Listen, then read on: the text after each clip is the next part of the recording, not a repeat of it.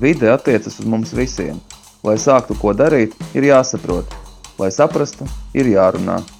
Mēs runājam podkāstā Zaļgalvas. Eva Johansone un Ervīns Vārde.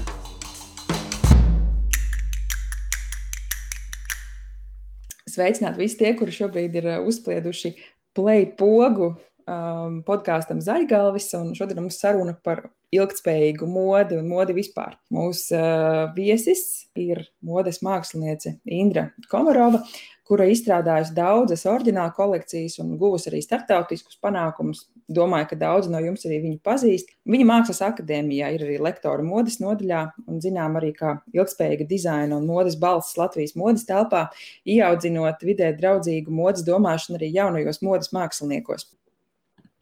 Kādēļ tev šķiet svarīgi, ka vispār tā vide un mode kaut kā sanāk kopā un kāpēc ir svarīgi jaunajiem par to runāt, vai tev pašai interesē dabas aizsardzība, vai tas ir kaut kāda vienkārši tāda pasaules tendence? Nu, man liekas, ka nu pat ir tā, ka nu, nu pat jau ir panika, ka tā nav nekāda tendence. Un, uh, tā situācija radusies nu, ļoti daudz dažādu apstākļu dēļ. Un uh, viss tas modes ritenis, nu, tas arī nav nekāds noslēpums, ka atstāja ļoti nelabvēlīgu ietekmi uz vidi un ne tikai uz vidi. Šajā gadījumā tā ilgspējība pat attiecās ne tikai uz vidas problēmām, bet arī, piemēram, uz, uz cilvēku psiholoģiju, uz uh, uz, uz līdztiesību, uz, uz visdažādākiem jautājumiem, un mode ir problemātiska gandrīz katrā no šiem punktiem. Mani ļoti pārsteidza fakts, ka pēdējos gados apģērba ražošanas apjoms ir divkāršojies gandrīz. Jo šķita, ka vismaz tā apziņa, ka nav visu laiku jāpērk kaut kas jauns, ir dažādas citas iespējas, second hands, pašiem šūt, vairāk kārt nesāt un viss kaut kas cits. Bet tomēr tā tendence, diemžēl, ir šāda. Varbūt, ka tev ir kā modes māksliniecei kādi padomi vai tie principi tiem, kuri nenāk no modes pasaules un ikdienā šajā industrijā nestrādā, kā iepirkties vai kā izvēlēties apģērbu, lai tas radītu mazāk atkritumu vai kaitējumu dabai. Vislabākais risinājums ir nepirkt apģērbu, vienkārši nepirkt tik ārprātīgi daudz apģērbu. Un es domāju, ka viens no galvenajiem uh, iemesliem, kādēļ vispār ir šī, šī problēma, ir tas, ka apģērbs ir nenormāli lēts un pieejams pilnīgi visiem. Un tas ir absurdi, ka apģērbs, ka džinsus var nopirkt lētāk nekā sandviču. Man liekas, tas, ir, tas tiešām ir absurds. Un, uh, manuprāt, arī ļoti interesanti ir tas, kā, kā tā cena iedarbojas uz cilvēku psiholoģiju. Piemēram, kādreiz kādreiz papildu pa, paralēli mācībām, un uzreiz pēc mācībām es diezgan daudz strādāju arī par stilistu un arī personāla stilistu. Un, uh, es palīdzēju sievietēm un vīriešiem uh, organizēt viņu garderobas. Un uh, ļoti interesanti novērojumi es izdarīju, kā cilvēki izturās pret savām drēbēm. Un uh, bija tāds piemērs, ka nu, dāmai bija Chanel žakets. Chanel žakets ir ārkārtīgi dārgs. Tas ir tiešām ļoti, ļoti dārgs ieguldījums. Un, uh, Protams, arī dažādas, dažādu či, eh, citu zīmolu žaketes. Un Chanel uh, žakete bija svaigi no ķīmiskās tīrītavas. Viņa bija ielikta oriģinālajā Chanel maisā. Viņa stāvēja uz oriģinālā pakaramā un stāvēja glīti iekārtas kapī. Kamēr, piemēram, lētāku zīmolu drēbes bija, nu, kā nu, kā nu tur sanāca kaut kas ir kaut kur nomests, kaut, kur ir, kaut kas ir uz pakaramā, tad uz tā pakaramā ir vairākas šīs drēbes. Un es teiktu, tas padoms varētu skanēt ļoti absurdi, bet pērciet dārgākas drēbes, un jums būs vienkārši lielāka cieņa pret tām. Tas, cik ļoti lēti var nopirkt tās lietas, tas vienkārši izraisa cilvēkiem necieņu pret viņu drēbēm. Kāpēc man tas ir jāiztīra, ja es varu izmest un nopirkt nākamo? Šī problēma, tas, protams, nav tikai tajā patērētājā, to jau veicina arī pat industrija un no visām pusēm. Un, eh, manuprāt, tā ir viena no galvenajām problēmām. Un tāpēc arī šis apģērbu pirkuma daudzums palielinās nepārtraukti. Tāpēc, tas ir tik ļoti lēti, un cilvēkiem jau nevajag tās drēbes, viņiem vajag to psiholoģisko to sajūtu. Nu, ka liekas, ka vajag, tad nopērci, tad tas mirklīgā tā labsajūta par to, ka tu esi nopircis to lietu. Bet, manuprāt, tam nav nekāda sakara ne ar apģērbu, ne ar modi. Tas var notikt jebkurā industrijā. Tu minēji tādu vārdu kombināciju, mode un ietekmē psiholoģiskos aspektus. Tu varētu izvērst, kas tas ir? Tur ir ārkārtīgi daudz visādi līmeņi no visām pusēm. Nu, pirmkārt, man liekas ļoti interesanti tāda lieta, ka modi, kāpēc mēs vispār par modi runājam tik bieži vien tā ļoti emocionāli sakāpināti. Tāpēc, ka apģērbs un mode ir ļoti cieši saistīts ar mūsu ķermeni. Ir jau visādas lietas, kuras mēs varētu pirkt kā traki, vai, vai, vai nu, ir arī statusa lietas visādas. Bet eh, tieši apģērbs ir tas, kas mums liek kaut kā emocionāli justies, jo mēs ļoti emocionāli jūt, jūtamies visbiežāk tieši par savu ķermeni. Tur ir daudz visādu lietu. Tur ir tas, ka es gribu izskatīties labāk, es gribu kaut ko noslēpt, man ir kaut kādi kompleksi, man ir kaut kādi iedzi, iedzīti kompleksi un tā tālāk. Un arī tie apvainojumi vienam par otru, tieši tie, kas tiek izteikti par izskatu vai par ķermeni, nu, viņi aizķer ļoti sāpīgi. Un, uh, tas arī paver ļoti plašas iespējas. Pirmkārt, katrā tādā laikā, es negribu teikt, katrā gadsimtā, jo pēdējā laikā arī nedaudz ātrāk tas mainās. Katrā tādā laikmetā ir tāds laikmeta ideāla tips. Piemērs tam varētu būt, piemēram, viduslaikos bija ideāla tips, laida gara sieviete, vēlams stāvoklī, kurai ir eh, ar ļoti augsta piera, ļoti bāla āda, un tad šo augsto pieru noskuva speciāli matus tālāk, lai izskatītos piera augstāk, un savukārt, lai panāktu iespēju, ka izskatās stāvoklī, tad arī kleitas forma tiek bieži vien tam pakļauta. Tad, piemēram, ideāli tips 50. gados ir sieviete ar slaidu viduklis, ar formīgiem gurniem un krūtīm, nolaideniem pleciņiem. Tas ir tā laikmeta ideāli tips. 90. gados laikmeta ideāli tips bija, piemēram, Keita Mosa, kas ir tāds 14-gadīgs jaunietis uh, figūra, ļoti kārna, ļoti tāda, nu, tāda kustīga.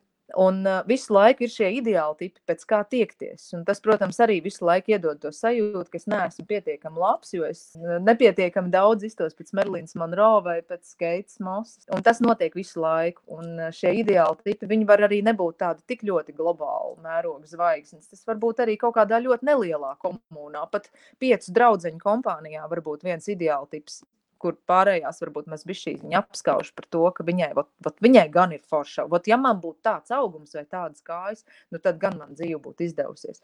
Un mode ļoti to izmanto. Tādā veidā arī nu, veicinot to, ka, nu, ja tu, vat, tev būs tādas bikses, tad tu tā vairāk izskatīsies, vai, ja tev būs varbūt augstspējas kurps, tad tev kājas savādāk iztīsies un tam līdzīgi.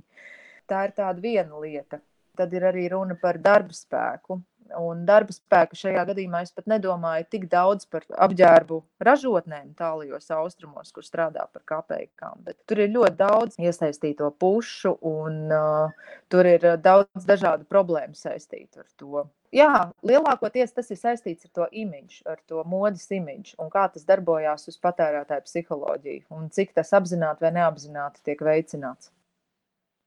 Starp citu, ienākot šim influenceru laikmetam un Instagram laikmetam, man šķiet, ka tas, tā jaunā zvaigzne, protams, ir Kim Kardashian. Tad es arī atklāju, ka modē ir tādas uh, bikses ar uh, polsterējumiem dibena vietā, lai tas dibens izskatītos lielāks un līdzīgāks Kim Kardashian dibenam. Tā tā, tas, ko tu stāsti, es tikai varu piekrist tam un redzot pētot sociālos tīklus, un tieši Instagram, tas man arī bija tāds diezgan caudabīgs atklājums, ko nopirkt eh, šādas polsterētas bikses. Bet eh, tas, kas eh, Latvijā ir tāds ļoti interesants atklājums man pašai, ka mēs patiesībā uz Eiropas fona izskatāmies diezgan labi. Mēs pērkam caurmērā mazāk nekā citvietā Eiropā un iepērkamies vairāk tieši second hand veikalos, humpalās vai kā mēs viņus varētu saukt. Varbūt tu varētu paskaidrot šo fenomenu. Protams, super dabai draudzīgi, bet ļoti īpatnē, ka, piemēram, Rīgas centrā katrs sastais veikals, piemēram, ir humpalu veikals. Es domāju, ka tam ir vairāk iemeslu, ka mēs tā labi iztumies tādā ziņā. Ja mums nav bijusi tā patērētāja kultūra tik ilgu laiku, mums ir bijušas citas visādas nelabas lietas, piemēram, padomu laiki līdz 90. gadu sākumam. Bet tam ir šis labais blakus efekts. Mēs neesam pieraduši ieiet veikalā, pastīties kleitu, nomest viņu zemē tikai tāpēc, ka viņa ir 6 eiro vērta un iet ņemt nākamo. Mums jau tā cieņa pret apģērbu, tā kā, kā lai saka, ir tāda iedzīta no bērnības varbūt un mums nav bijis tik daudz. Par humpalām Rīgas centrā es domāju, ka tas ir naudas jautājums. Mūsu pilsētas centrā tomēr nav tik daudz tiešām dārgu zīmolu veikalu, mums nav tādas dārgu zīmolu ielas. Un es domāju, ka tas vienkārši parāda reālo finansiālo situāciju un arī to, ka mums ir ļoti maz cilvēku. Un arī pat ja šie cilvēki būtu turīgāki un varētu atļauties dārgākas drēbes, Vienkārši iespējams, ka šie dārgāko zīmolu veikali nespētu izpildīt savus finanšu plānus. jo vienkārši nav cilvēku tik daudz. Tas varētu būt tāds iemesls. Jā, tā ir tāda laba lieta, manuprāt, pirkt second-hand apģērbu, bet atkal, ja tas second-hand apģērbs tiek nopirkts, uzvilkts vienu reizi un izmests ārā, tāpēc, ka viņš maksāja lēti un es varu aiziet vēlreiz, es nezinu, vai tas ir baigi labi.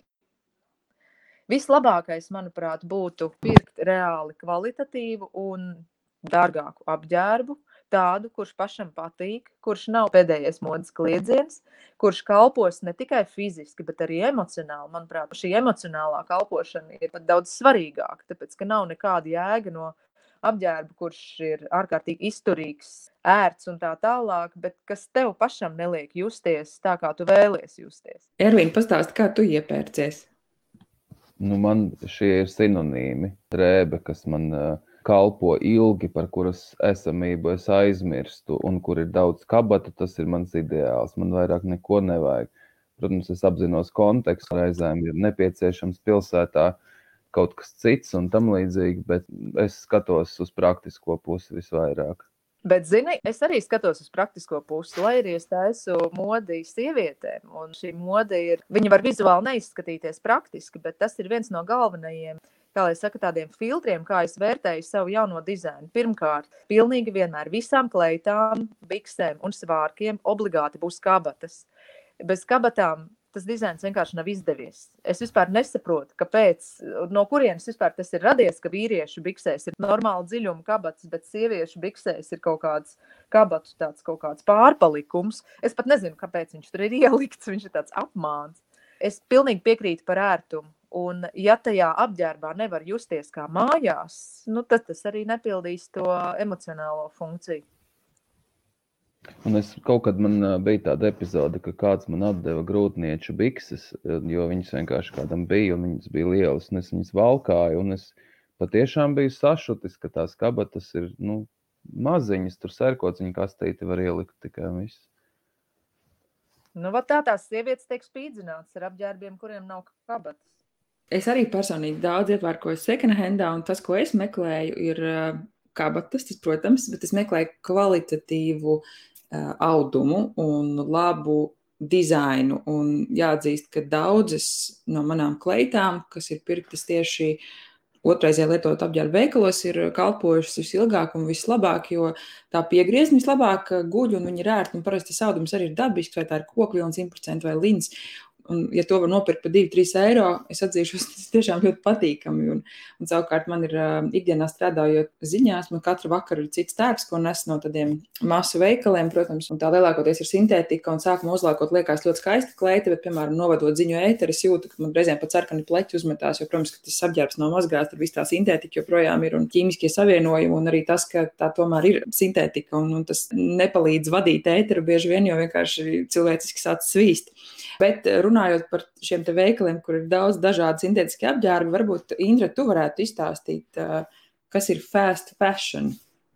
Nu, fast fashion, pirmkārt, tie ir zīmoli, kas nu kā, ir modes cikls, ir modes kalendārs, kuram ir kaut kāds tāds noteikts eh, darbību laiks. Tā secība ir tāda, ka ir vispirms ir auduma mesas, uz kurām aizrauc sameklēt materiālus un iedvesmoties jaunajām kolekcijām. Tad tiek gatavota kolekcija, nu kā strādā dizaineri. Gan lielāki, gan mazāki, gan lielie modes nami, gan studenti. Tad tiek izgatavota kolekcija, un tad šī kolekcija tiek prezentēta. Pēc prezentācijas teorētiski uzpircēji šo kolekciju iegādājās, un tad ir laiks, lai ražotu. Un šis laiks bieži vien nu, ir kaut kādi divi, trīs mēneši. Tas nozīmē, ka, ja es pavasarī noprezentēju februārī, principā tās prezentācijas rudens kolekcijām, tad nu, tiek sagaidīts, ka kaut kādā jūlijā tās kolekcijas nonāks veikalos. Bet ko dara fast fashion un kāpēc viņš saucās fast fashion? Viņi noskata lietas, par kurām viņi jūt, ka tas būs trends, ka tas ir labi, un viņi spēj to uzražot divās nedēļās un viņi var to momentā piegādāt veikaliem. Bija, es nevaru atsaukties uz konkrētu pētījumu, bet man šķiet, ka zārei tika izpētīts. Jā, tieši divas nedēļas viņiem vajag no tā brīža, kad viņi izdomā, ko viņi grib uztaisīt, vai noskata, ko viņi uztaisīs, līdz brīdim, kad tas nonāk zāles veikalos. Protams, tur ir zāle, nu, tas ir gandrīz tāds loģistikas uzņēmums vairāk nekā modes uzņēmums. Un viņiem pašiem arī tie veikali pieder, un tad viņiem ir vieglāk to realizēt. Bet tas arī nozīmē to ātrā modi. Tam nav saistības ar to, kādi materiāli tie ir. Ražo viņi visdažādākajās vietās. Materiāls var būt gan labāks, gan sliktāks. Tajos pašos fast fashion zīmolos ir arī līnijas, kas tagad jau ir, zinu, ka ir Reģionēm Kanšas kur viņi ražo apģērbus no pārstrādātajām pudelēm, ko atrod okeānā. Man kolēģi atbrauc no auduma izstādes, un uh, Viņa stāstīja, ka esot tāda interesanta parādība, ka tik ļoti liels pieprasījums ir pēc šī okeāna pārstrādātā poliestera, ka pietrūkst šīs pudeles, ko vilkt ārā no tā okeāna, lai pārstrādātu. Tas viss arī aizved līdz tādam abs absurdam. Vienkārši tāpēc, ka fast fashionam viņam visu laiku vajag to barību, kā, kā barot. Un, protams, ka šajā brīdī nu, es to vairāk vai mazāk uzskatu par tādu greenwashing, nu, kas notiek ar visām šīm līnijām, kuras ir it kā zaļākas, it kā pareizākas un tā tālāk. Mēs, ap citu, esam nolēmuši nākamajā zaļgāvas sezonā parunāšu par šo mediju pratību, jeb greenwashing, kā tas notiek, jo es pati nesen, ap citu, diezgan dārgas kurpes vasarai nopirku internetā tieši tādēļ, ka viņas bija ražotas no šī izlietotajām pudelēm. Tur bija rakstīts, nu, ka sešas pudeles tiek izmantotas un tās kurpes ir radītas, un tad es ļoti sapriecājos un atnāca tā apavu kaste un apavu ļoti skaisti un deru un dizainiski brīnišķīgi, un tad tur ir tāda pavada pamācība, kas jādara tiem apaviem, un viņi aicina viņus mazgāt. Un tad es sāku aizdomāties, kā uzņēmums, kurš um, stāsta, ka viņi ir vidē draudzīgi, sagatavo šos apavus no plasmas pudelēm, tad pašā laikā aicina mazgāt veļas mašīnām. Protams, ka tas viss jau aiziet mikroplasmasā un atkal aiziet notekūdeņos un mūsu dzeramajā ūdenī. Un tas man arī lika aizdomāties par to, ka, jā, ka tā mode vienkārši izmanto šos paņēmienus, bet patiesībā jau nu, tas varbūt pat lielāku skādi dabai nodara. Bet es zinu, ka daudzi runājot par zaļo modi vai to ilgspējīgo modi, aicina veidot kapsulas garderobi. Vai tu varētu pastāstīt, ko tas nozīmē un vai ik viens no mums var šādu kapsulu garderobu izveidot? Un, ja jā, kas ir tie pamatelementi? Nu, pirmkārt, es esmu pārliecināta, ka mums katram tāda kapsulas garderoba jau ir ir ļoti daudz informācijas par to, kam ir jābūt šajā kapsulas garderobē. Princips ir ļoti vienkāršs. Tas ir kaut kāds konkrēts skaits vienību, piemēram, 30 vienības skapī, kuras savā starpā var krustām šķērsām kombinēt, kuras ir pietiekami neitrālas, lai tās iet pāri kaut kādām tur mm, sezonām un trendiem, un kuras var viegli kombinēt ar kaut ko, kas ir bijusi kaut kāda mirkļa iegriba. Jo tomēr modē jābūt arī bišķītiņa fanu. Tas, tas nevar būt tikai par tādu pareizību. Bet katram šī kapsulas garderoba noteikti izskatīsies savādāk. Nu, es izvairītos meklēt ļoti konkrētas norādes, nu, ka tev ir obligāti vajadzīgs, tur, piemēram, viens balts, viens melns teikraklis, obligāti tāda žaketa un obligāti tāda un tāda džinsi. Tāpēc, ka nu, kādam nevajag teikraklu vispār. Nu, kādam darbs vai dzīvesveids ir tāds, kur labāk ir piemērots Krakla blūzas, piemēram. Kādam vēl var būt šī kapsulas garderoba sastāvēs varbūt 60% no sportiska stila apģērbiem, tāpēc, ka viņš varbūt ir uh, sporta treneris un uh, mājās viņš ir trīs bērnu tēvs un, un, un vēl šīs dzīvesveids ir aktīvāks. Tā kā es domāju, ka tas ir pirmkārt jāskatās uz savu dzīvesveidu, un noteikti nevajag sekot kaut kādām ļoti konkrētām norādēm, kas it kā dara visam, jo es esmu pilnīgi pārliecināta, ka visiem viss nedara. Es zinu, ka tu daudz domā par eh, modi dažādos kontekstos, gan ražošana, gan, gan lekcijas studentiem, gan šī ilgspējīgā mode un pašas kolekcijas.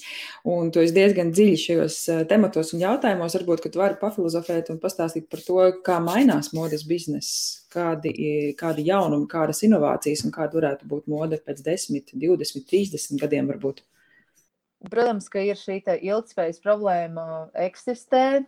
Nu, ir, protams, dažādas idejas, tiek piedāvātas, kā to visu risināt. Nu, plus tagad vēl bija pandēmija, kas arī ir ieviesusi diezgan daudz un ļoti interesants pārmaiņas modes biznesā un modes komunikācijā. Un viena no tām ir tas, ka, protams, šajā gadā tika principā nogriezti Fashion Week kas ir parasti tas ir modes galvenais notikums visā pasaulē, tad ir šie četri galvenie punkti - Ņujorka, Parīze, Milāna un Londona, kur notiek Fashion Week, un tad viss tā modes publika tad, nu, tā ceļo no viena punkta uz otru, uz trešo un tā tālāk.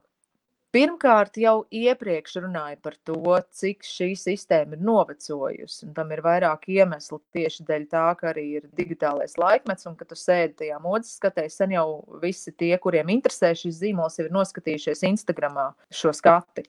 Tas nav nekāds slepens pasākums, kur tiek ielaists tikai uz ielūgumiem. Tagad pasākumi principā visiem ir pieejami pateicoties internetam. Nu, lūk, un tad šajā gadā ļoti daudz parādījās interesanti jauni veidi, kā demonstrē modi. Un, protams, ka populārākais bija modes īsfilms, kur tiek nofilmētas jaunās skatas dažādās vietās, vai ar sižetu, vai vienkārši kā catwalks. Nu, dažādi kā kurš ir savam zīmolam uzskatījis to par piemērotāku. Tad ir arī jau pirms pandēmijas parādījušies, piemēram, apģērba īres uzņēmumi. Vairāk gan es tādus internetā atrodu Amerikā. Es nezinu, vai ir mazāk informācijas vienkārši par to, kas ir Eiropā, bet pilnīgi noteikti arī Eiropā ir. Interesanti ir tas, ka šie apģērba īres uzņēmumi, viņi sākotnēji piedāvāja ballīšu apģērbu. Nu, to, ko mums nevajag ikdienā. Nu, piemēram, ir jāiet uz kādām, nu, tad tev jāpērk tā viena kleita, kur ir diezgan dārga, viņai jābūt šikai. Un uh, tad varēja noīrēt. Tad viņiem auga pakalpojumu klāsts, un vienā brīdī viņi paši bija piefiksējuši, ka cilvēki, nu kā viņi izīrēja uz kaut kādu konkrētu dienu skaitu, man liekas, četras dienas, un tad ir jāatgriež atpakaļ. Un ka viņi bija pamanījuši, ka cilvēki šīs balītas kleitas pēc tam to vienu dienu, kas viņiem vēl ir, viņi vēl aiziet pirmdienā uz darbu, vienkārši lai dažādotu savu uh, garderobu. Un tad viņi sāk piedāvāt arī ikdienas apģērbu. Un tad viņi interesanti uztaisīja tā, ka to pakalpojumu var abonēt. Tas ir maksā konkrēti mēneša maksu, un tu abonē vietu tajā viņu milzīgajā skapī. Un tu vari, piemēram, tur ir dažādas summas, un var, piemēram, pa vienu summu tu vari abonēt sešas lietas mēnesī kuras tev atsūta, un pēc tam viņas var nomainīt. Man liekas, ka tā ir arī diezgan laba lieta, un ar to šādā veidā var labi papildināt tieši to pašu to kapsulas garderobu ar tādām trendīgajām lietām, kur tu varbūt uzvilksi vienu vai divas reizes, ar kurām tu vienkārši gribi paust, nu, ka tev vienkārši gribās, lai ir interesantāka dzīve. Nu, lūk, nu, vai arī kaut kā uz kādu konkrētu pasākumu. Tā ir tāda interesanta lieta, manuprāt, tā apģērbu īres pakalpojumu klases noteikti augsts tad samazinās Fashion Week, kas arī ir interesanta lieta. Kādreiz vienā brīdī jau aizgāja līdz tādam ārprātam, ka tur bija, es jau vairs nezinu, cik tur tie Fashion Week bija katru gadu. Divreiz gadā ir kuķūra, nu, kas ir tā kā visaugstākais, kur dizaineri un mākslinieki parāda tās visas savas radošākās idejas un uh, ko nemaz tā vienkārši veikalā nopirkt nevar. To var tikai pasūtīt. Tad ir šīs pavasara un rudens kolekcijas, un tad ir pre-collections, kas ir pirms rudens vai pirms pavasara, un tad ir holiday collections. Tad bija vēl sieviešu un vīriešu fashion week, bija vēl atsevišķi. Bet tagad tas bija šī, viņi sāk saplūst. Pirmkārt, vairāki modes nāmi jau ir publiski paziņojuši, ka viņi atsakās no šiem četriem vai sešiem kolekciju laidieniem gadā un pāriet uz diviem. Saplūst arī vīriešu un sieviešu modes nedēļas. Daudz arī tādi tiešām lielie zināmie modes dizaineri rāda vienā skatē gan vīriešu, gan sieviešu modeļus. Un tad ir tāda interesanta lieta, kā bezkontakta mode. Īpaši viņa ieguva popularitāti tagad arī pandēmijas laikā īsumā to varētu mēģināt izskaidrot. Nu, līdzīgi ir, piemēram, Instagram storijos ir rādiņas, nu, ka tu vari uzlikt savu zaķu austiņus vai kaut ko tamlīdzīgu. Tādā veidā arī tev atsūta failu ar jaunu kleitu, un tu vari nofotografēties šajā kleitā. Tas nozīmē, ka tā kleita tā kustās līdzi, nu, vai bikses, vai vienalga kas, kustās līdzi ķermenim. Un rezultātā tu iegūsti attēlu ar šo trendīgo apģērbu. Cena ir zemāka nekā reālam apģērbam, un ir iespēja realizēt savu stilu un, un, un, un komunicēt ar modi tikai tīri digitāli. Un, protams, ka netiek arī izmantots nekas, kas parasti tiek ražošanā izmantots. Tas kļūst populāri. Man ir jāatzīst, varbūt es neesmu piedzīvojis vienkārši tādu gameru periodu, jo es jūtu, ka tas ir drīzāk tādai gameru paudzei, kas ir pieraduši piemēram pie tā, ka ir šis online avatars, paralēlais tu, kuru var apģērbt. Un arī interesanti ir tas, ka, piemēram, Louis Vuitton ir sadarbojušies tieši ar vienu no populārākajām video spēlēm, tad spēlētāji varēja nopirkt Louis Vuitton apģērbu saviem avatāriem. Tāpat arī, piemēram, Balenciāgas rudens skate ir ar tādu tā kā video spēles estētiku, kur viņi ir digitalizējuši visus modeļus ar visiem apģērbiem, un arī viss tā tematika un estētika jau ir tādā video spēļu vidē. Bet, nu, atkal, es kā pircējs, man ir tā grūti iedomāties, man ir ārkārtīgi saj, svarīga arī tā fiziskā sajūta. Pat tad, ja es tikai apģērbu izmantoju tikai komunikācijai, ne tikai nu, tādiem praktiskiem nolūkiem. Nu, man ir svarīgi, kā es jūtu to apģērbu. Man ir svarīgi, kā es ielieku to roku kabatā, kā man kleita kustās gar manu ķermeni, kā viņa noplīvo, pagriežoties. Un tas viss kopā veido tādu tā ķermeņa papildinājumu. Man ir tā grūti iztēloties, ka es varētu iegādāties šādu bezkontakta modi, Bet katrā ziņā tā ir ļoti interesanta tendence, kas attīstās. Starp citu, es nesen tieši pamanīju, ka Instagramā parādās dažādām influenceriem šie digitālie tēti, un es nebiju līdz galam sapratusi, kas tas ir. Bet patiesībā tik laba doma, jo influenceriem ļoti patīk sevi dokumentēt, un skaidrs, ka jābūt visu laiku kaut kam jaunam un interesantam. Un es zinu daudzus influencerus, kas visu laiku iepērkās humpalās, tāpēc, ka vajag tos jaunos tērpus, bet šis būtu vienkārši ģeniāls risinājums eh, tiem, kuriem nepieciešams tevi skaisti parādīt digitālajā vidē, ir šie digitālie tērpi. Un beidzot ir skaidrs, kas tas ir. Paldies, Indri, ka tu to izstāstīji. Es biju pamanījusi, un es nekā nesaprotu, kas tas ir. Un tur tādi futūristiski skaisti tērpi jau uz tādas jā. robežas, jau kā tā tiešām mākslas darbu. jā, jā, tur um, īstenībā ļoti daudz ir interesants informācijas par šo, nu, vienkārši ieguldējot digitālu closing vai digitālu fashion. Tur ir daudz interesants informācijas par šo. Bet es šeit arī saredzu vēl citas īstenībā labas īpašības. Piemēram, šie 3D apģērbi tiek izmantoti arī, lai komunicētu par apģērbu, arī zīmolu. Piemēram, man nav obligāti jāuzšuj trīs dažādu krāsu kleitas, lai viņas nofotografētu un ieliktu internetveikalā. Es varu uzšūt vienu, lai tīri, lai pārbaudītu priegriezni, lai viņi sēž perfekti, lai tās kabats ir īstajā augstumā un tā tālāk. Bet citās krāsās vai faktūrās es varu radīt 3D tā tādu kleitas avatāru un ielikt internetu veikalā. Piemēram, nu, es nezinu, IKEA, man liekas, arī lielākā daļa internetu veikalā ir 3D zīmējumi. Tās nav reālas lietas. Ļoti daudz pāriet uz šo 3D apģērbu prezentāciju. Un tādā veidā arī var piedalīties tādos digitālos šaurumos, lai uzpircējs redzētu šos manus apģērbus. Un tiem nav obligāti jābūt reāliem fiziskiem apģērbiem, kuri pēc tam man ir sample sēlā. Un, un, un arī, protams, beigās arī var palikt pārpalikumi. Šajā ziņā es savukārt redzu ļoti labu pielietojumu šim 3D apģērbam. Paldies! Man šķiet ļoti interesanta saruna. Daudz ko pārdomāt un daudz ko izpētīt un sagūglēt. Paldies par tavu laiku, Indri. Paldies uh, Ervinam Vārdam par to, ka arī pievienojies šajā podkāstā. Un paldies Vides aizsardzības fondam, kura dēļ šis podkāsts var tapt.